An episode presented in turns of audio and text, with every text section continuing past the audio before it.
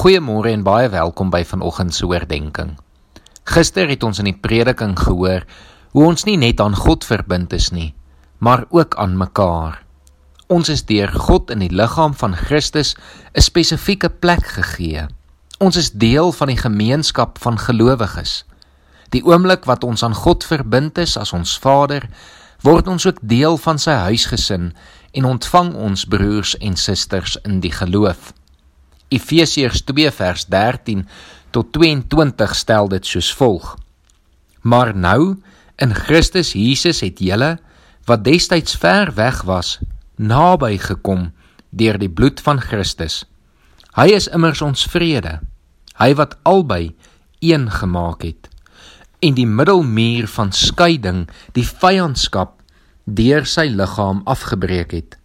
Hy het die wet met sy eise en reëls tot niet gemaak sodat hy deur vrede te maak in homself die twee tot een nuwe mens kon skep en sodat hy albei in een liggaam met God kon versoen deur die kruis deurdat hy daaraan die vyandskap vernietig het.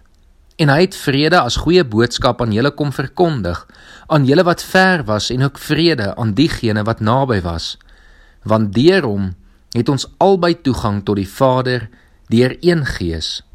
So is julle dan nie meer vreemdelinge en bywoners nie, maar julle is medeburgers van die heiliges en lede van die huisgesin van God, gebou op die fondament van die apostels en profete met Christus Jesus self as hoeksteen.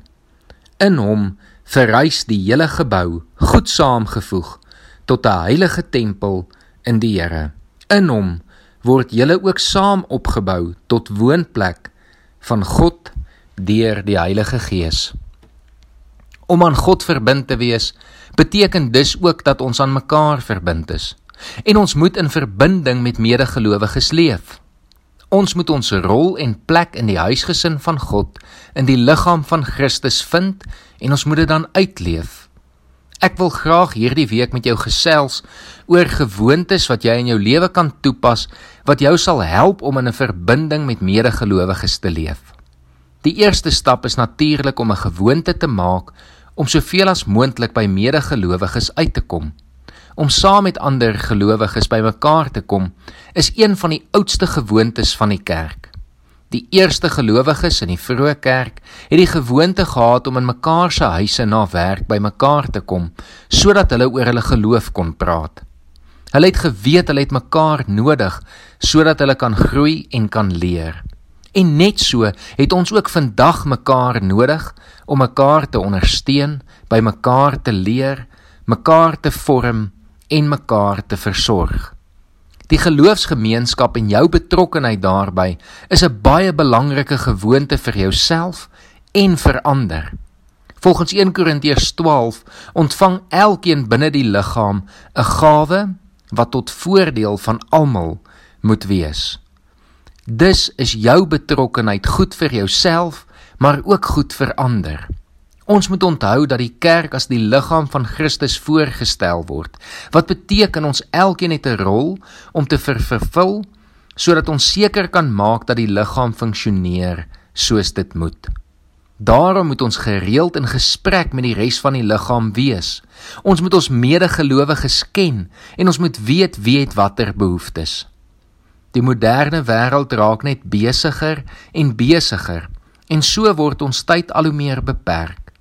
Maar indien ons nie tyd gaan maak vir ons medegelowiges nie, gaan ons self en die kerk in geheel daaronder ly. Daarom wil ek vandag vir jou vra om na te dink oor hoe gereeld jy doelbewus binne die geselskap van medegelowiges sodat jy oor julle geloof kan praat, saam die Bybel kan lees, vir mekaar kan bid of net lekker kan gesels oor julle verhouding met die Here. Waar is daar leemtes in jou lewe? Moet jy dalk meer gereeld eredienste bywoon of dalk deel word van 'n Bybelstudie of omgeegroep? Dalk is dit weer tyd vir 'n wijksbyeenkoms en is dit juis vanoggend jou taak om dit te reël. Ons as gelowiges het mekaar nodig. Ons kan nie op ons eie kerk wees nie. Ons kan nie sonder ander medegelowiges werklik in ons geloof funksioneer nie. En daarom moet ons dit 'n gewoonte maak om by mekaar uit te kom, vir mekaar te bid en vir mekaar om te gee.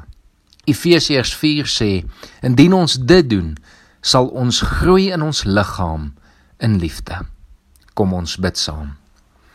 Here, dankie dat U ons deel maak en aan mekaar verbind. Dat ons 'n huisgesin van U kan wees, 'n liggaam wat op hierdie aarde geplaas is om U te verheerlik. Here, dankie dat ons nie op ons eie alleen hoef te sukkel nie, maar dat ons medegelowiges het wat ons kan help. Here, dankie dat ons in 'n land bly waar ons bymekaar mag kom en dat daar vir ons oop ruimte is om die woord te kan lees, met mekaar daaroor kan te kan praat, dit met mekaar te kan deel en ook saam te kan bid. Here, dankie dat ons so bymekaar kan wees en mekaar so kan opbou en kan ondersteun. Here kom maak dit vir ons duidelik waar U hierdie week ook wil hê ons saam met ander medegelowiges moet wees. Ons bid dit in Jesus se naam alleen. Amen.